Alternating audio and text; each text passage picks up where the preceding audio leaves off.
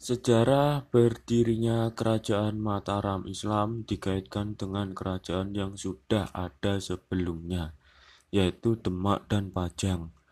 Setelah Kerajaan Demak mengalami kemunduran, ibu kotanya dipindahkan ke Pajang, dan dimulailah pemerintahan Pajang sebagai kerajaan.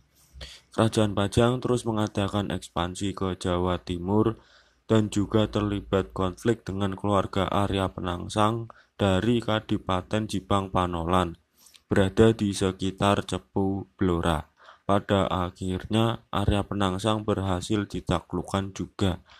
Jaka Tingkir atau Sultan Hadiwijaya sebagai raja dari kerajaan Pajang memberi hadiah kepada dua orang yang dianggap berjasa dalam menaklukkan Arya Penangsang, yaitu Ki Ageng Pemanahan dan Ki Penjawi.